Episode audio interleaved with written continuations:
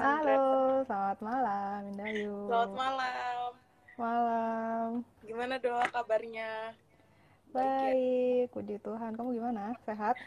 Sehat. Pastinya. Sehat ya, syukurlah ya. Ini baru dimulai udah teman-teman udah nunggu dari beberapa hari yang lalu em, terkait em, ngobrol santai mungkin ya dok ya. Santai aja, please. Santai aja. Kita Jangan dibawa, jangan dibawa stres ya, guys ya. Kita diskusinya santai meskipun isunya serius dan mengejutkan ya ini di awal tahun. kayak Eh, jadi kontroversi baru gitu ya tandingannya RUU PKS gitu. Iya, ada aja gitu ya negara kita ini bentar COVID, terus masih urusan vaksin belum. Ada Iya, kita berharapnya. Kita berharapnya di RUU mana gitu. Eh, dapatnya hadiahnya Eh, yang baru. ini terkejut Kejutan kan? gitu ya, ya. Lumayan ya, awal tahun ya udah banyak kejutan. Oke dokter, ini udah banyak yang datang nih. Oke teman-teman, selamat malam yang udah menyempatkan waktu buat datang. Yang pastinya kita em, masih berdiskusi terkait isu-isu yang lagi kontroversi gitu ya, lagi booming dibahas. Biar kita nggak hanya jadi netizen yang hanya apa ya, yang hanya bisa komentar tanpa memberikan argumen-argumen yang mungkin lebih dari perspektif misalkan dari dokter Sandra memang em, dari perspektif medisnya gitu ya dok ya karena Ya. beberapa temenku memang ada yang em, backgroundnya itu bukan dari medis tapi em, berusaha untuk menelaah ini gitu dok tapi itu sah-sah aja kan kita sebagai em, Iya. apa ya sebagai subjek hukum gitu ya. Tiba-tiba kemarin dikejutkan dengan diterbitkannya eh, diketok nih apa diteken sama presiden. Bahwasanya ada PP nomor 70 tahun 2020 itu terkait tata cara pelaksanaan tindakan kebiri kimia dok. Jadi pemasangan alat pendeteksi elektronik yang disertai dengan rehabilitasi em, dan juga pengumuman eh, terkait identitas pelaku gitu pelaku kekerasan seksual terhadap anak. Nah mungkin em, aku bakal ulas sedikit ya PP ini secara hierarkis hukum memang PP ini diakui sebagai produk hukum gitu dalam perundang-undangan. Jangan kaget juga Um, nanti kalau tengah-tengah tiba-tiba kita diputus gitu ya karena ada tukang bakso lewat gitu kali. Ya makanya kita butuh teman-teman yang lebih aktif juga di kolom komentar ini ya. Mm-mm. Ya, diskusi ya kita malam ini ya. Mm-mm, betul. Mm-mm. Bukan kontok-kontokan, diskusi. Jadi teman-teman yang baru datang, selamat datang. Kita lagi ngadain obrolan santai sama Dokter Sandra, foundernya apa Dokter Tanpa Stigma nih, juga sebagai pastinya perempuan berkisah. Itu, jadi terkait em, peraturan pemerintah itu memang kalau dalam hierarkis perundang-undangan memang diakui sebagai eh, mandat regulasi untuk menjalankan undang-undang gitu sebenarnya. Dan itu memang diambil alih em, oleh presiden secara langsung sebagai kepala pemerintahan gitu. Jadi kalau kemarin memang teman-teman em, menyangkut pautkan dengan kenapa kok tidak direalisasikan dalam RUU yang sudah lama dibahas gitu ya. Sebenarnya peraturan perundang-undangan ini kalau dalam em, jangka waktu perancangannya lebih em, lebih terkesan menyingkat waktu gitu memang lebih terkesan menyingkat waktu daripada pembahasan um, undang-undang gitu. Jadi itu mungkin beberapa poin yang bisa di apa ya bisa kita telah bareng kenapa kok perlu munculnya PP gitu. Sedangkan em, kalau misalkan presiden membentuk peraturan pemerintah ini tidak hanya em, sebatas pengetahuan-pengetahuan presiden by data aja, tapi koordinasinya tetap dengan kementerian terkait gitu. Misalkan dengan Kementerian Kesehatan karena ini terkait kebiri kimia gitu ya dokter. Jadi kemarin aku eh, mulai membaca nih ada di PP nomor 70 tahun 2020 ini ada 23 halaman. 23 halaman ini em, dari awal sudah menjelaskan terkait pelaku yang akan dikenai em, kebiri kimia ini dengan identifikasi seperti apa. Yang pertama adalah pelaku yang melakukan tindak pidana persetubuhan kepada anak dengan kekerasan dan ancaman um, kepada ancaman seksual dan pemaksaan kepada anak itu sendiri melalui tipu muslihat gitu biasanya kan oknum-oknum itu sering melakukan grooming gitu ya mungkin awal-awal mereka grooming kepada korbannya. Itu kemudian um, pelaku yang melakukan tindak pidana persetubuhan terhadap anak yang dilakukan dengannya sendiri atau dengan orang lain gitu. Jadi um, biasanya dilakukannya bisa dua pelaku gitu. Itu dua-duanya dikenai um, dikenai kebiri kimia kemudian um, dengan unsur kekerasan tadi grooming. Kemudian di bab dua ini terkait lebih ke teknis ya dok ya teknis medisnya terkait tindakan kebiri kimia. Hmm. jadi pemasangan alat pendeteksi elektronik dan lain sebagainya. Itu mungkin nanti dokter Sandra yang akan lebih spesifik namun yang di sini di pasal 2 ayat 1 itu ditekankan bahwasanya tindakan kebiri kimia ini um, dilakukan harus berdasarkan putusan pengadilan yang telah berkekuatan hukum tetap gitu. Jadi nggak hanya um, perspektif pidana pidana yang kayak misal advokasi dari LSM atau lain sebagainya tiba-tiba ini harus dihukum um, harus dikenai tindakan kebiri kimia gitu. Enggak tapi kita harus dapat uh, kekuatan hukum tetap gitu. Jadi melalui uh, pelaksanaan uh, ketentuan hukum formil gitu. Melalui um, acara pidana ya. Kemudian selanjutnya dalam pelaksanaan putusan pengadilan itu pun um, aparat penegak hukum ataupun hakim-hakim terkait itu juga berkoordinasi dengan kementerian terkait. Kementerian ini dalam urusannya dalam kesehatan, kemudian di bidang sosial juga itu dikait di apa diikut sertakan dalam pengambilan keputusan um, di ini ya pengambilan keputusan untuk penindakan pelaku itu yang di awal-awal ya di pasal 3 kemudian di pasal 4 mungkin nanti teman-teman bisa download sendiri sudah ada dan disebar karena ini udah diteken sama presiden kita. Terus jangka waktunya kebiri kimia ini dalam waktu 2 tahun dok. Dokter maksimal ya dua tahun juga hmm. uh, mungkin nanti bisa juga diinfokan kepada teman-teman kenapa kok dikasih jangka waktu dua tahun yeah. gitu. Karena memang um, banyak narasi yang ada di media sosial itu ini tidak manusiawi dan lain sebagainya gitu dok. Hmm. nanti mungkin bisa lebihkan kemudian tindakan kebiri kimia ini melalui tahapan-tahapan penilaian klinis dan lain sebagainya.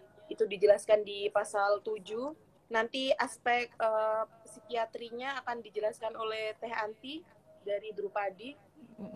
Um, itu kemudian di ini ya dok ya, aku sambil baca soalnya nggak hafal ketentuan. Iya, aku ya sambil buka ini. Mm-mm.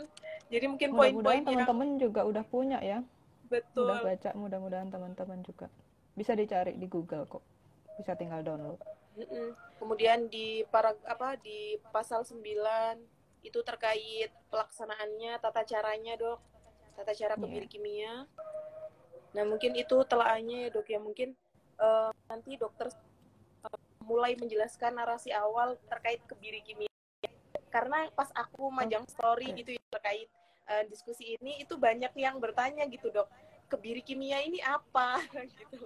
Apa kita disuruh minum um, selama dua tahun itu obat yang untuk mencegah um, mencegah apa ya mencegah hormon kita um, untuk ingin melakukan perbuatan yang sama dan lain sebagainya. Itu mungkin dalam aspek medisnya. Silakan dokter Sandra bisa sharing Oke, okay, thank you ya Indayu udah uh, jelasin sedikit karena aku aku banyak aku nggak ngerti ya soal hukum-hukum kayak gitu. Kalau bahasa-bahasa undang-undang dan uh, peraturan pemerintah kayak gini tuh aku tuh nggak ngerti. Jadi kata-kata mana yang uh, ada makna tersembunyi di belakangnya gitu ya aku tuh nggak tahu. Jadi aku membaca itu uh, dengan kacamata awam aja buta hukum gitu ya.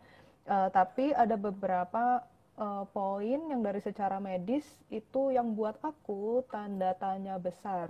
Banyak sekali tanda tanya aku uh, cantumkan di peraturan pemerintah ini gitu karena aku benar-benar ngerasa banyak yang tidak jelas banyak yang uh, secara medis uh, ini nanti akan bisa memicu konflik kalau tidak dijelaskan lebih lanjut gitu. Dan memang terbukti kan jadi sekarang kita nih kayak terbelah gini kan antara yang mendukung sama yang nggak mendukung gitu. Yang pro kontra gitu nah, ya dok iya jadi pro kontra gini kan jadinya karena menurut aku banyak yang kurang jelas dari PP ini nah mungkin aku sebelum ngejelasin uh, aku kalau misalkan mau minta waktu dulu sebentar mungkin ya aku sebelum uh, Boleh, memulai dokter. kalau kita membahas kekerasan anak itu aku selalu akan mengedukasi uh, satu hal ini dulu uh, supaya teman-teman uh, paham dulu dan kita punya terms yang sama gitu suara aku hilang katanya apa ya Um, kalau di aku Oke. masih terdengar.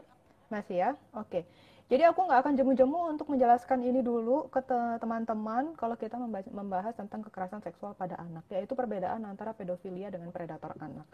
Jadi kita akan menggunakan terms predator anak untuk eh, merujuk pada pelaku kekerasan seksual pada anak, bukan pedofilia. Ini mohon eh, teman-teman benar-benar bijak untuk memahami karena memang itu adalah dua istilah yang berbeda. Pedofilia adalah orang yang mempunyai eh, preferensi atau ketertarikan seksual pada anak-anak. Eh, dia tidak bisa dikriminalisasi, sama seperti preferensi seksualnya misalkan dengan orang dewasa gitu ya. Eh, tapi kalau dia dengan eh, preferensi seksualnya apa? Dia eh, punya rangsangan seksual anak-anak gitu. Nah, ini tidak bisa dikriminalisasi sepanjang dia tidak melakukan tindakan kriminal sama seperti teman Q, eh, preferensi seksualnya tidak bisa dikriminalisasi. Pedofilia ada yang menjadi predator anak, ada yang tidak. Predator anak pun begitu. Ada yang pedofil, ada yang tidak. Jadi belum tentu eh, semua predator anak itu adalah pedofilia. Bisa jadi dia sebenarnya preferensi seksualnya normal aja, tapi eh, karena alasan-alasan tertentu dia, Oke. melakukan kekerasan seksual pada anak ya. Jadi ini mohon eh, dipahami supaya kita punya terms yang sama, eh, kita akan menyebutnya sebagai predator anak tapi bukan pedofilia ya. Nah, eh, aku mungkin jelasin dulu dari teknisnya ya.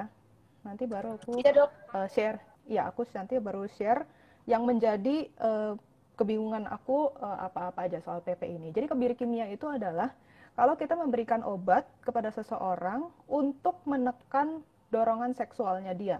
Obat yang biasanya diberikan adalah ini adalah obat hormon, eh, biasanya adalah anti androgen atau anti testosteron ya. Ada beberapa pilihan obat eh, yang bisa digunakan. Nah, tapi eh, tidak dicantumkan di PP ini eh, pilihan-pilihan obat mana yang em, mau digunakan gitu. Indonesia belum memilih obat yang mana yang mau digunakan. Nah, obat ini sifatnya dia eh, harus disuntikkan per periode waktu tertentu Oke. untuk menjaga kadarnya di dalam tubuh supaya efeknya tetap sama. Jadi ini kan tergantung dari jenis obatnya ya. Eh, nanti ya butuh disuntikkan eh, dalam waktu berapa lama gitu. Eh, mungkin kalau untuk teman-teman yang masih nggak kebayang, ini kira-kira prinsip kerja apa teknis pengerjaannya sama dengan KB suntik. Sama kan? Kalau KB suntik itu kan juga seperti itu ya. Secara terjadwal pasien akan datang untuk disuntikan obat eh, KB-nya itu, gitu kan? Nah, dia ini sifatnya sementara ya.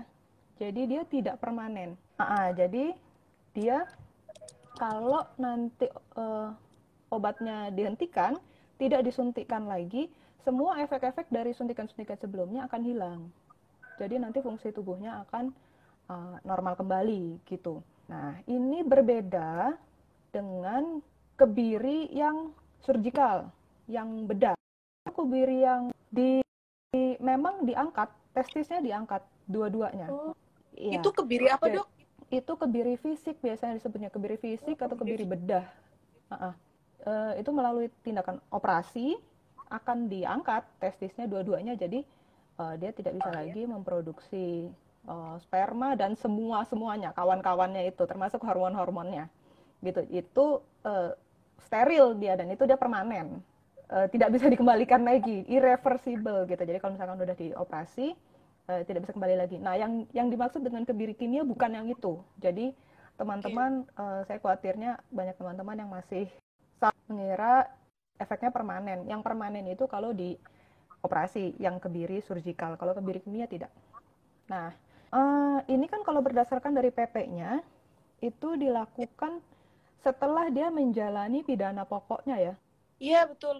Ya, nah jadi eh, dia misalkan dia di penjara dulu pidana pokoknya, jadi eh, setelah selesai eh, penjaranya itu baru dia akan dilakukan kebiri kimianya ini. ini ada beberapa negara lain juga yang uh, kurang lebih sama caranya. Nah, tapi uh, kita harus uh, pahami juga bahwa bukan benar-benar dari dia keluar penjara baru disuntik. Karena kan obatnya ini kan butuh waktu ya untuk dia bisa mencapai efeknya okay. di dalam tubuh gitu kan. Ha -ha. Jadi bukan setelah dia keluar dari jeruji besinya itu. Obat ini akan disuntikan beberapa saat sebelum. Jadi diperkirakan kira-kira oh obat ini uh, efeknya baru akan dirasakan misalkan satu bulan uh, sesudah penyuntikan gitu. Maka obat ini akan disuntikan satu bulan sebelum eh satu bulan sebelum dia dijadwalkan untuk keluar dari penjaranya itu. Jadi diharapkan pada saat dia sudah keluar dari penjara obat itu udah udah bekerja gitu, udah berefek gitu. Itu kira-kira secara teknis seperti itu. Nah, mungkin sekarang aku uh, akan sharing yang ada beberapa poin yang aku sudah tandain dan ini potensial masalah menurut aku di di PP ini ya. Jadi yang pertama ini mengenai assessmentnya. Ini kan dijelaskan bahwa ke assessment ya. Assessment itu uh, apa yang biasanya dilakukan oleh dokter untuk assessment pasien. Biasanya kita menilai uh, apakah terapi ini benar-benar uh, perlu uh, untuk pasien ini. Adakah pasien ini memiliki indikasi yang sesuai untuk pemberian obatnya? Kalau memang iya, obat yang mana yang mau kita uh, gunakan. Kan ada banyak tuh pilihan obatnya. Kita mau pilih obat yang mana nih? Apakah dia punya kontraindikasi tertentu untuk pemberian obatnya? Ya kan itu kita harus kita harus pertimbangkan juga sebagai uh, dokter ya sebagai tenaga medis. Terus uh, nanti kalau misalkan oke okay, bisa berapa lama kita mau merencanakan obat ini diberikan? Oh. ya kan? Nah, nah terus kita harus menjadwalkannya berapa lama nih dia disuntikan? Kira-kira seperti itu yang dilakukan assessment ya. Nah tapi uh, aku kasih catatan. Di PP ini tidak dijelaskan lebih lanjut uh, lalu mekanisme prosedur dari assessment ini seperti apa. Kalau aku bandingkan dengan di negara lain jadi wewenang dokter di sini berbeda daripada terhadap pasien biasa.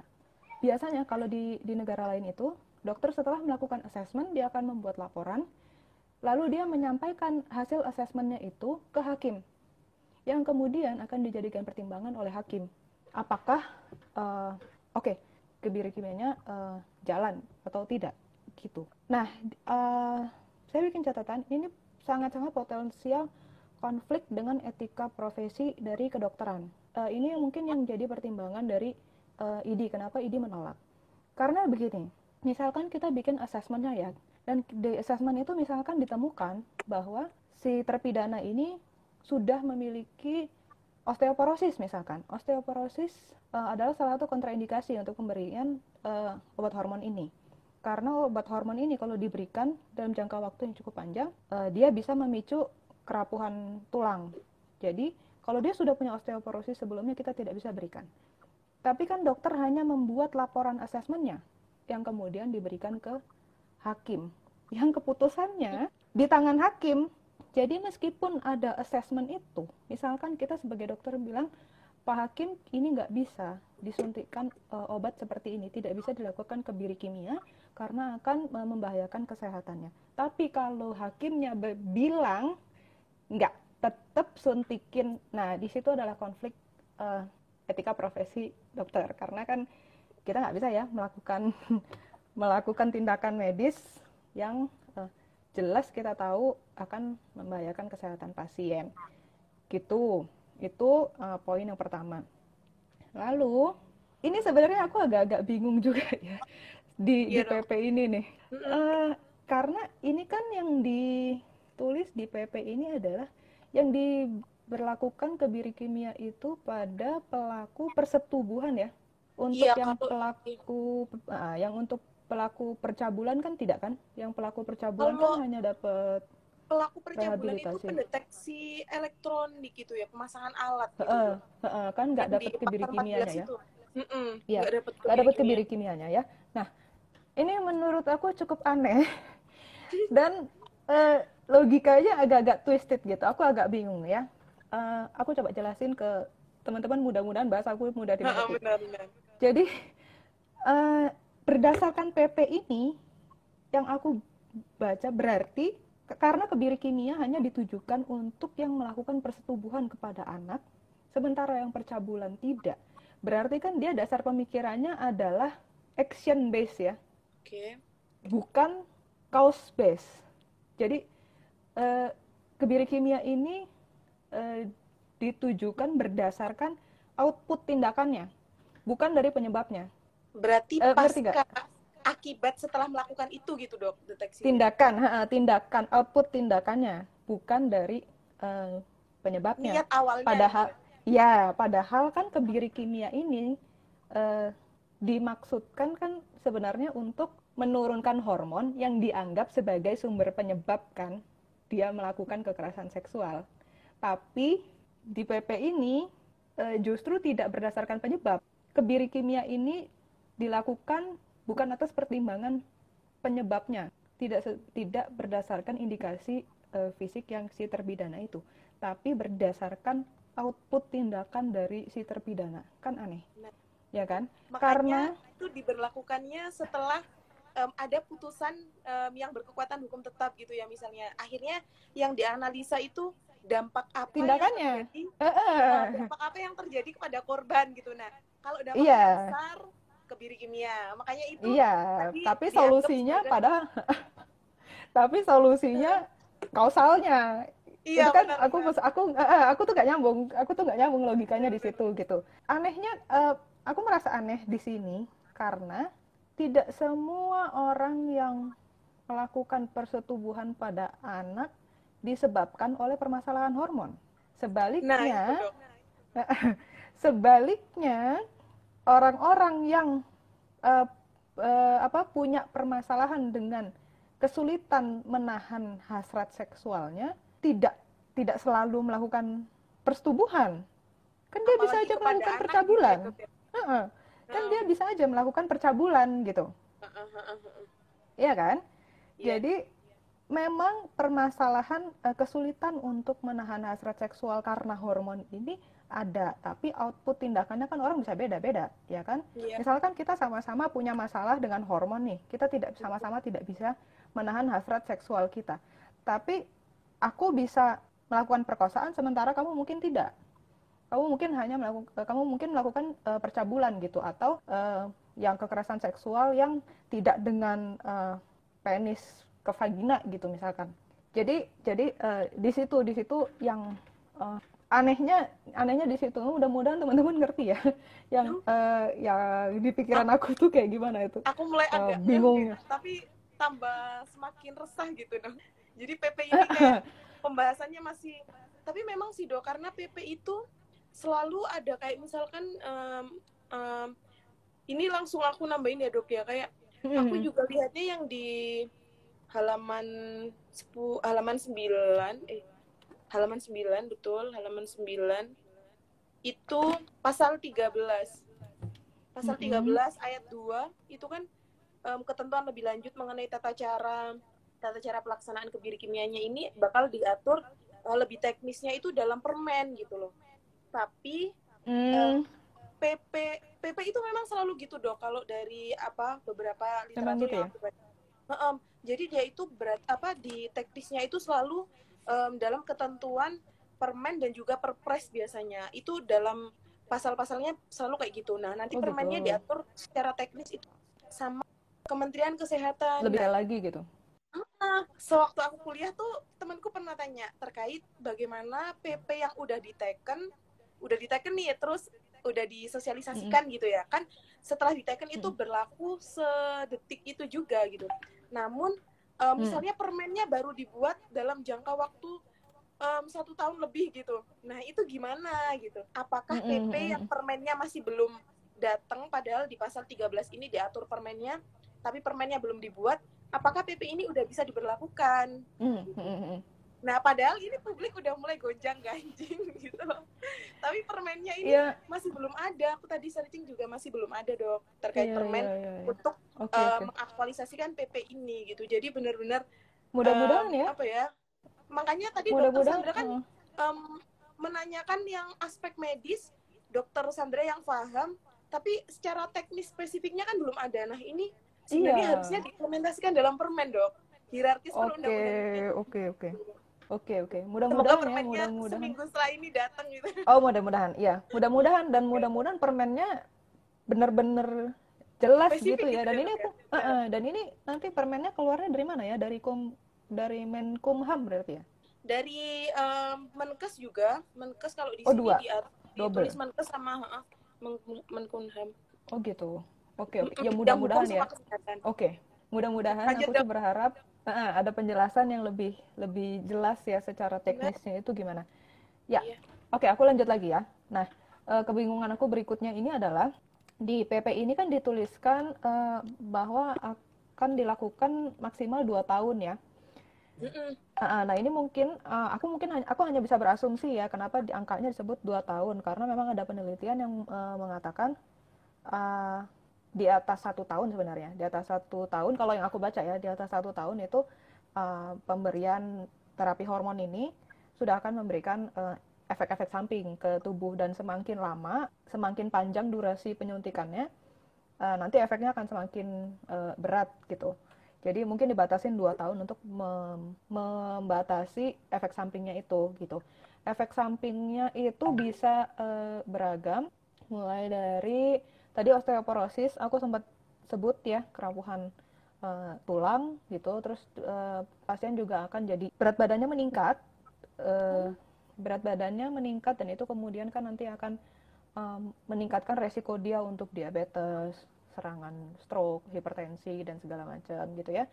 Terus eh, dia juga bisa jadi anemia, bisa juga jadi eh, depresi, ada yang dilaporkan eh, seperti itu menjadi depresi juga gitu. Jadi kira-kira seperti itu. Nah, eh, aku mempertanyakan juga nih, maksimal 2 tahunnya itu kebiri kimianya aja atau rehabilitasi psikisnya juga, psik- psikoterapinya juga gitu. Oh, gitu. Karena Padahal itu ah, seharusnya saling berdampingan gitu ya dok ya harusnya. Nah, iya itu dia. Kalau terapi hormonnya kan ya boleh-boleh aja ya. Betul. Mau satu tahun dihentiin, mau satu setengah tahun atau mau dua tahun dipolin eh, dihentiin, ya terserah, nggak apa-apa gitu kan. Tapi kan kalau psikoterapi kan nggak bisa kayak gitu ya. Aku nggak yakin apakah dalam waktu dua tahun itu psikoterapinya udah akan selesai gitu. Jadi ini dua tahun ini untuk untuk yang mana? Kalau memang psikoterapinya belum selesai, selesai dan dia belum siap untuk dilepas ke masyarakat, gimana dong? Masa iya? Cuma karena di di PP ditulis maksimal 2 tahun, padahal rehabilitasinya belum selesai nih, terus dilepas gitu aja ke masyarakat kan malah bahaya ya. Benar. Kan dia belum siap gitu loh. Nah, maka seperti eh, yang kamu bilang tadi, seharusnya rehabilitasi psikis ini adalah yang utama. Sementara Oke. kebiri kimianya itu hanya sebagai penunjang aja, pendukung gitu. Rehabilitasi psikisnya, psikoterapinya dia harus yang utama gitu. Jadi seharusnya ya, idealnya untuk merehabilitasi terpidana itu psikoterapi si psikolog dan psikiaternya ini ini dia sebagai kayak ketua proyeknya gitu loh.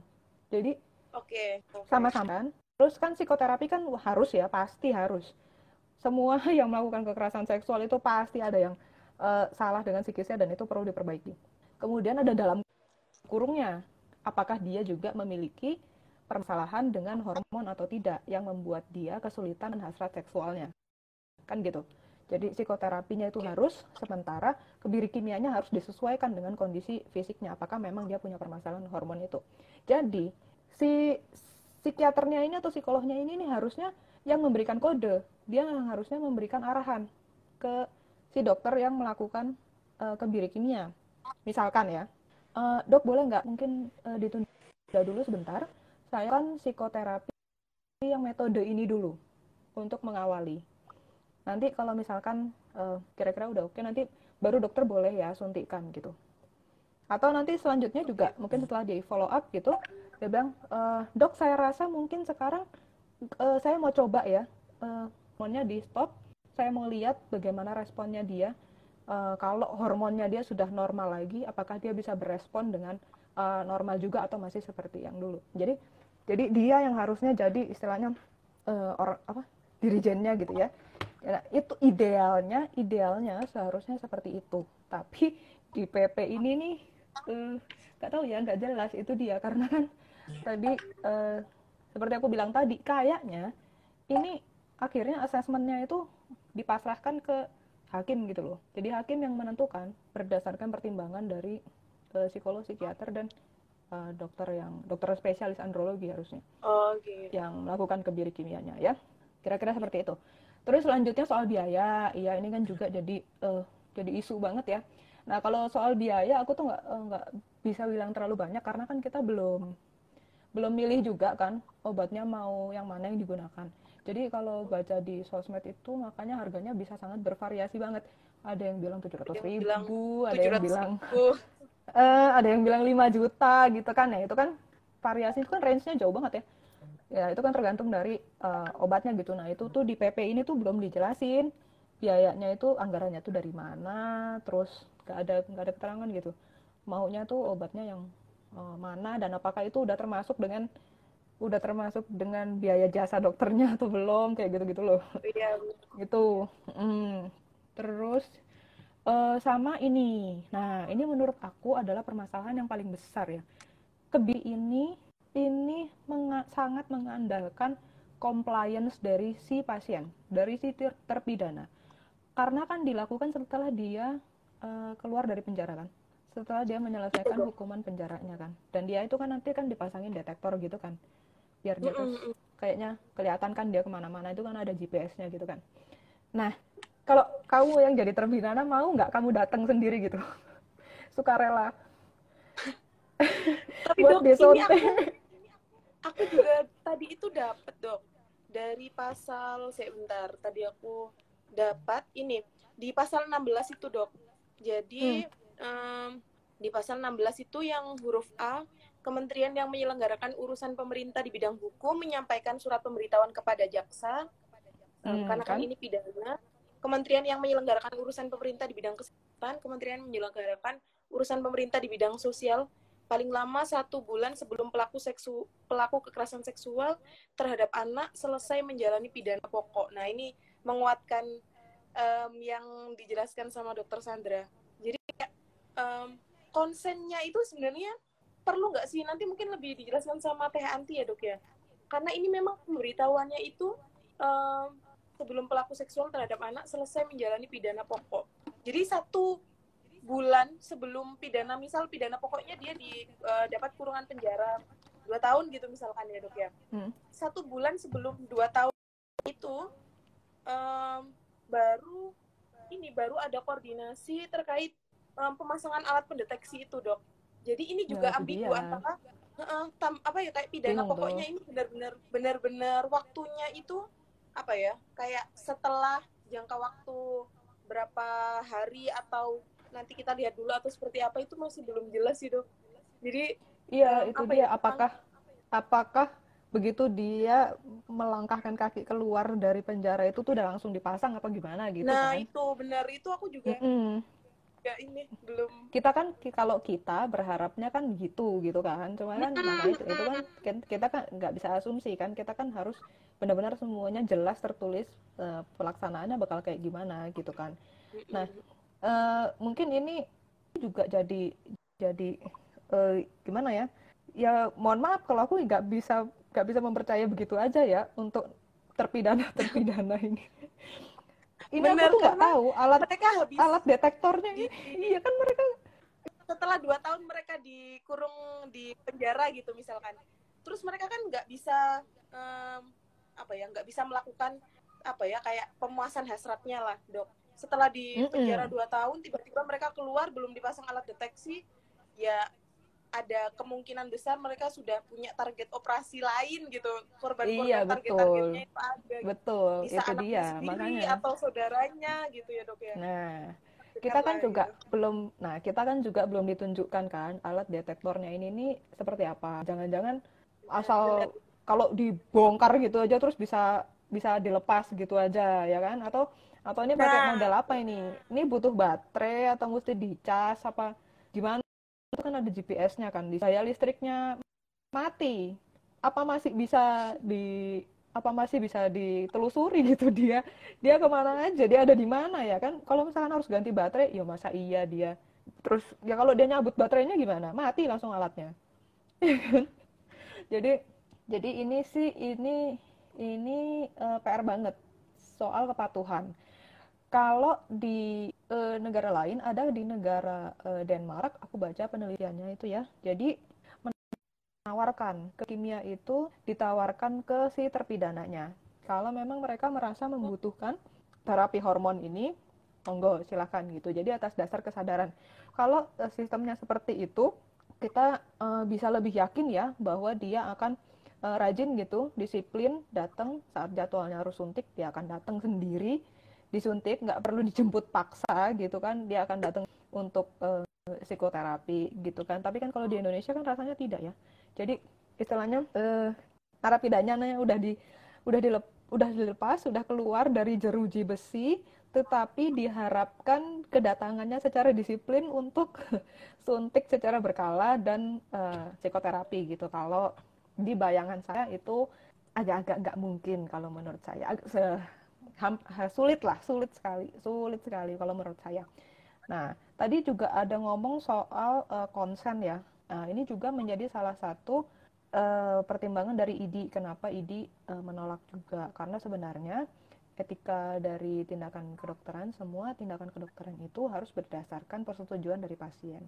Kecuali untuk tindakan-tindakan darurat di mana pasien tidak bisa memberikan uh, persetujuan, maka uh, dokter akan bertindak cepat uh, memutuskan uh, demi keselamatan nyawa pasien gitu. Tapi selama pasiennya masih bisa diajak uh, berkomunikasi dan uh, bekerja sama gitu ya, uh, kita sebenarnya harus berdasarkan persetujuan pasien. Nah, aku tuh jadi nggak ngerti kalau misalkan kayak gini, ini gimana gini? Apakah e, kan kalau dia udah di penjara itu gimana? Kan ini kan bukan konsen lagi kan, bukan berdasarkan persetujuan lagi kan? Aku jadi nggak ngerti. Apakah kalau narapidana itu apakah tidak haknya dia untuk untuk memberikan persetujuan ikut bisa bisa ngejelasin ya? Konfliknya kira-kira iya. kira-kira konfliknya seperti itu. Kalau Eh, dengan ID karena harus minta persetujuan dari pasien. Sementara sih, sementara kalau dari dokter uh, Fakih selaku ketua PBID yang sekarang uh, beliau menyampaikan sih sementara lagi ada diskusi, lagi ada uh, gimana ya musyawarah lah sama Kemenkumham. Kira-kira hmm. jalan tengahnya gimana gitu untuk untuk kebiri kimia ini gini. Karena uh, rasanya memang harus dilakukan oleh dokter ya. Jadi ya kan yang melakukan asesmen kan ya dokter juga gitu Betul. Yang harusnya melakukan kebiri kimianya atau terapi hormonnya ya ya si dokter yang melakukan asesmen juga seharusnya kan hmm. gitu idealnya ya. Nah tapi kan um, terus dokter Sandra, bingung. ini aku hmm. mungkin um, lagi inget ya, lagi inget. Jadi terkait hmm. tadi dokter Sandra kan um, nyinggung terkait bagaimana terkait konsen gitu ya ter, ma, um, dalam kode etiknya dokter Sandra sebagai dokter itu sebenarnya dalam tindakan apa pun kecuali itu memang urgent itu memang harus sesuai dengan apa ya kayak kesepakatan gitu antar pasien gitu ya pasien yeah. mau dioperasi apa enggak gitu atau yeah. enggak gitu biasanya kan keluarganya ya dok ya misalnya sebagai pengampunya gitu misalnya pasien yeah. dalam keadaan tidak bisa uh, tidak stabil untuk berpikir atau menentukan mm -mm. betul nah ini dok karena um, ini kan PP ini kan memang uh, ketentuan pidana tambahan ya dok ya di luar pidana hmm. pokok gitu. Jadi itu diatur dalam Kitab Undang-Undang Hukum Pidana atau KUHP itu di pasal 10. Di situ ada hmm. ketentuan pidana pokok itu antara lain pidana mati, um, penjara, kurungan, kurungan itu dengan um, batas waktu um, mungkin kurang dari satu tahun itu ya. Terus pidana denda, mm -hmm. ini administrasinya, terus pidana tutupan. Nah, pidana tambahan itu dok ada ketentuannya. Yang pertama adalah um, jenis-jenis apa ya kayak um, pencabutan hak beberapa hak tertentu. Hmm. Gitu. Itu memang salah satu spesifikasi dari pidana tambahan. Kemudian hmm. perampasan barang yang tertentu, kemudian hmm. pengumuman putusan hakim. Kan di sini juga dijelaskan dok bahwasanya kayak uh, mungkin nanti lebih ke teh anti terkait bagaimana pengumuman identitas pelaku itu juga hmm, hmm. itu juga kan um, terkait apa ya konsen kan sebenarnya juga perlu dipertanyakan nah memang di pidana tambahan ini ada hmm. klausul pencabutan beberapa hak tertentu nah hmm. ini um, spesifikasi hak tertentu ini kan pasti kalau um, dalam subjek hukum hak-hak dasar itu kan pasti ya hak asasi nanti ada Hmm. hak-hak yang lain hak untuk mendapatkan kehidupan yang baik hak untuk mendapatkan Mm-mm. um, perlakuan yang baik di aspek sosialnya itu jadi ya Mm. perdebatan yang benar-benar terjadi itu kalau aku lihatnya memang ya logis semua gitu dok karena memang em, ada yang pro dan kontra itu menurutku sangat wajar gitu dan kemarin sampai kita bingung ya dok ya di grup itu kita pro apa kontra gitu ya tapi kita pilih Iya. yang terbaik aja gitu.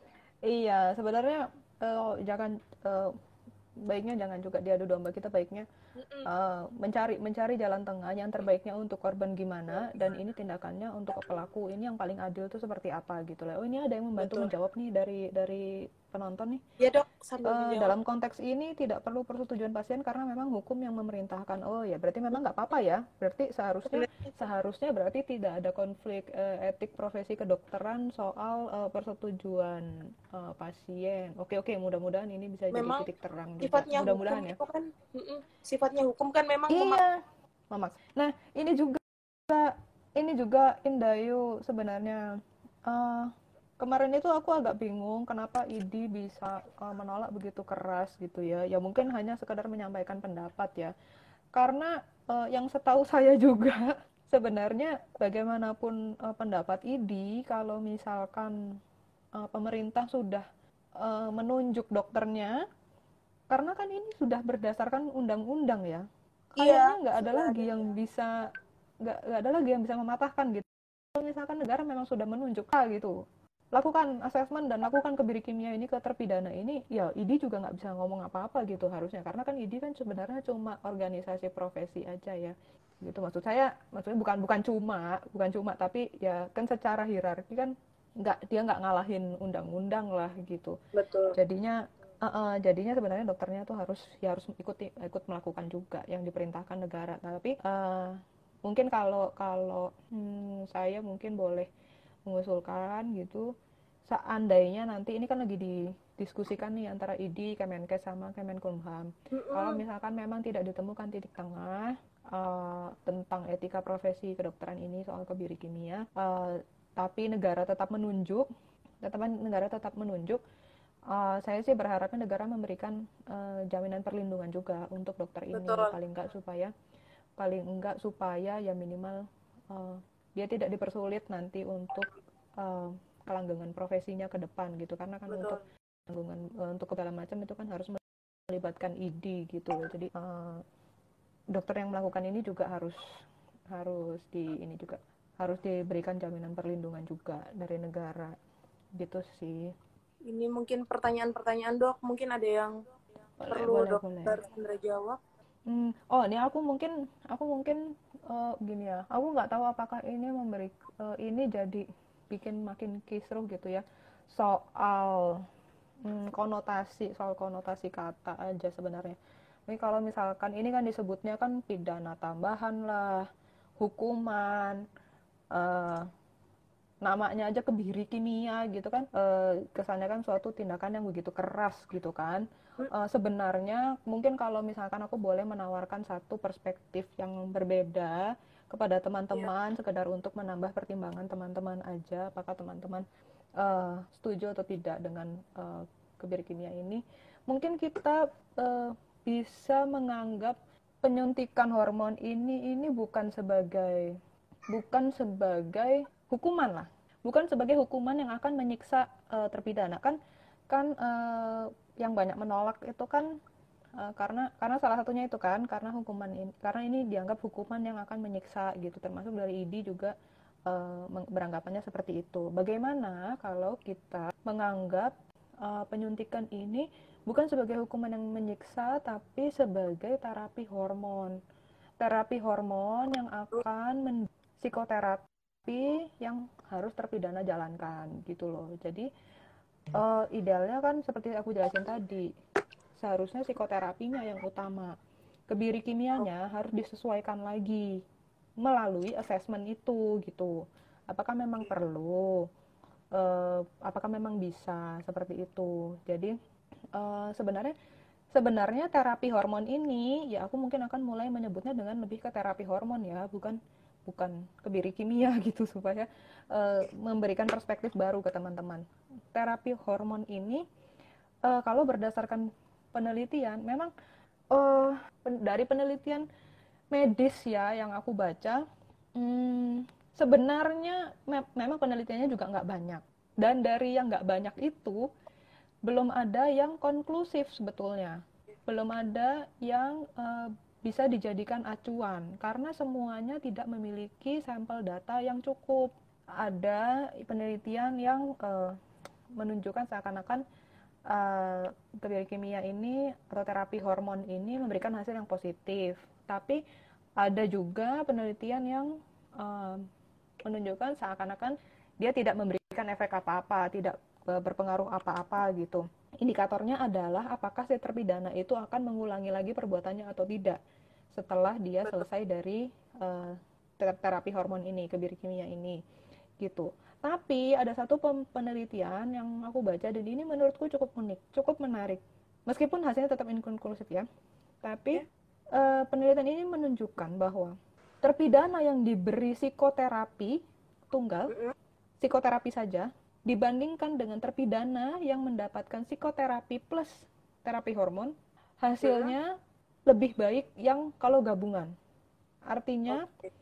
kalau terapi, kalau digabung psikoterapi dengan kebiri kimia ini kemung, uh, dia lebih rendah angka pengulangan uh, tindakan kekerasan seksual pada anaknya dibanding hanya dengan uh, psikoterapi psikoterapi biasa aja gitu. Tapi balik lagi, semuanya tuh inkonklusif. Jadi Benar. tidak bisa dijadikan acuan mungkin ini supaya teman kalau misalkan ada yang mengatakan ya berdasarkan penelitian gitu.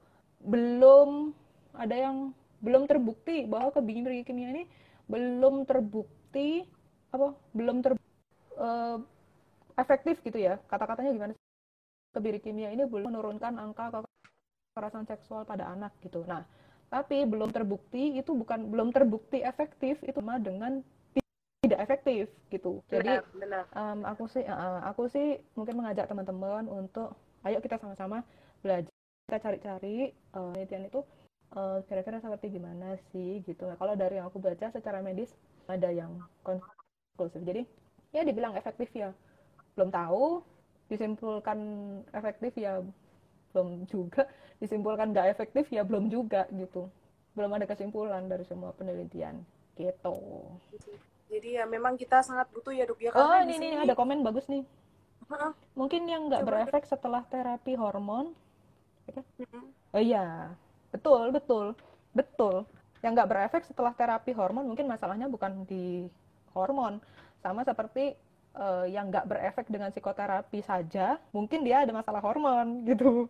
Tapi okay. tidak diberikan terapi hormon ini gitu. Jadi Eh, sangat-sangat uh, harus disesuaikan dengan indikasinya apakah memang ada permasalahan kesulitan seksual ini gitu untuk kebiri kimia. Oke oke benar um, karena di sini memang di PP ini melibatkan tiga kementerian sekaligus gitu dok.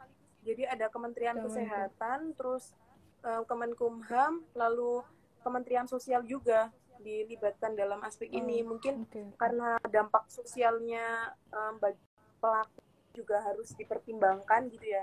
Tadi kan banyak sampai identitas pelaku itu juga disosialisasikan secara masif gitu dok. Di sampai diatur sih di PP mm. ini. Mungkin nanti um, juga bakal dispesifikan um, sama yeah. teh anti gitu. Iya. gitu sih dok. Terus ya, misalkan dok. nih. coba yang mana? Nah ini nih benar nih. Jadi tampaknya perlu dilakukan asesmen yang lebih serius mengenai akar motif pelaku melakukan kekerasan seksual agar dapat dijawab lagi. Iya betul. Jadi menurut aku utamanya itu ada di assessment. Bukan dipisah dari awalnya itu oh kalau dia melakukan persetubuhan dengan anak kebiri kimia. Tidak tidak e, menganalisa dulu penyebab dia melakukan persetubuhan itu apa.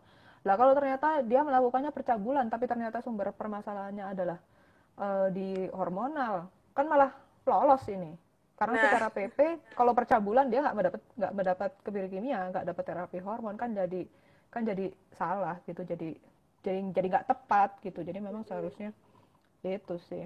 Karena karena kalau kalau kalau diberikan secara tepat ya kalau diberi kasih saya sih sangat percaya kebiri kimia ini bisa kita jadikan modalitas. Kita bisa jadikan sebagai pilihan uh, memberikan uh, kebaikan sebenarnya, memberikan kebaikan ke ke pelaku ini agar dia bisa uh, hidup secara hidup di masyarakat dengan baik, agar dia tidak menimbulkan keresahan dan uh, kesakitan ya untuk untuk orang lain gitu. Uh, mungkin untuk tambahan aja untuk teman-teman teman-teman bisa uh, dicari gitu. Fungsinya testosteron itu begitu banyak sekali. Hormon ini dia tidak oh. hanya menekan dia tidak hanya menekan uh, libido aja, tidak hanya menekan hasrat seksual aja, tapi dia juga bisa menekan fantasi seksual. Or, uh, orang-orang yang sehari-harinya berapa detik sekali itu udah pikirannya jorok aja, dengan dia disuntik testosteron secara rutin, dia tidak akan sesering itu lagi untuk berfantasi seksual. Oh gitu ya dok ya? Sampai ya. um, membawa ke fantasi, uh, fantasi seksual juga ya? Iya, iya. Uh, teman-teman boleh search uh, di Google fungsi-fungsi dari testosteron itu apa aja tadi aku udah sebut uh, selain utamanya kan dia untuk menurunkan uh, rangsangan seksual ya. Yang kedua dia bisa untuk mengurangi frekuensi dari fantasi seksual. Yang ketiga salah satunya juga terkait dengan tindakan uh, kriminalitas adalah dia bisa menurunkan uh, agresivitas. Jadi uh, uh, jadi testosteron ini juga uh, sangat berpengaruh uh, terhadap uh, sikap agresif dan kompetitif dari seseorang uh, yang mana ini bisa uh, sangat berkaitan dengan dengan tindakan kriminal kan. Jadi um, ada penelitian um, cukup unik juga penelitian ini. Jadi dia meneliti kadar hormon testosteron uh, kepada narapidana-narapidana yang dipenjara uh, dengan kasus-kasus perasaan yang tinggi gitu ya, violence ya. Uh, hampir semuanya hanya tuh tinggi gitu. Jadi uh, oh. ini kayak hubungan yang uh, jadi ini kayak hubungan yang uh, istilahnya kan penelitiannya kan kayak dibalik gitu ya. Fungsi testosteron itu kalau ditambahkan ke seseorang apakah dia akan jadi lebih agresif atau tidak? Atau orang yang sudah uh, terbukti agresif melakukan tindakan kekerasan itu testosteronnya tinggi atau enggak? Dan itu uh, uh, memang bisa testosteron bisa sangat mempengaruhi agresivitas uh, seseorang gitu. Jadi uh, aku penutup aja biar nggak kepanjangan. Nanti habis ini kamu bisa langsung sambung sama Mbak Anti. Jadi pada intinya sebenarnya yang ingin aku sampaikan kalau dari perspektif medis opini aku pribadi kebiri kimia ini sebenarnya sangat bisa kita jadikan pilihan uh, atau modalitas untuk kita um, apa ya bukan bukan menghukum juga. Jangan jangan istilahnya jadi menghukum tapi meminimalisir uh, gitu ya dok? apa? Uh, ya untuk kita berhadapan dengan terpidana kekerasan seksual pada anak asalkan dilakukan uh, sesuai dengan prosedur dan indikasi yang tepat gitu.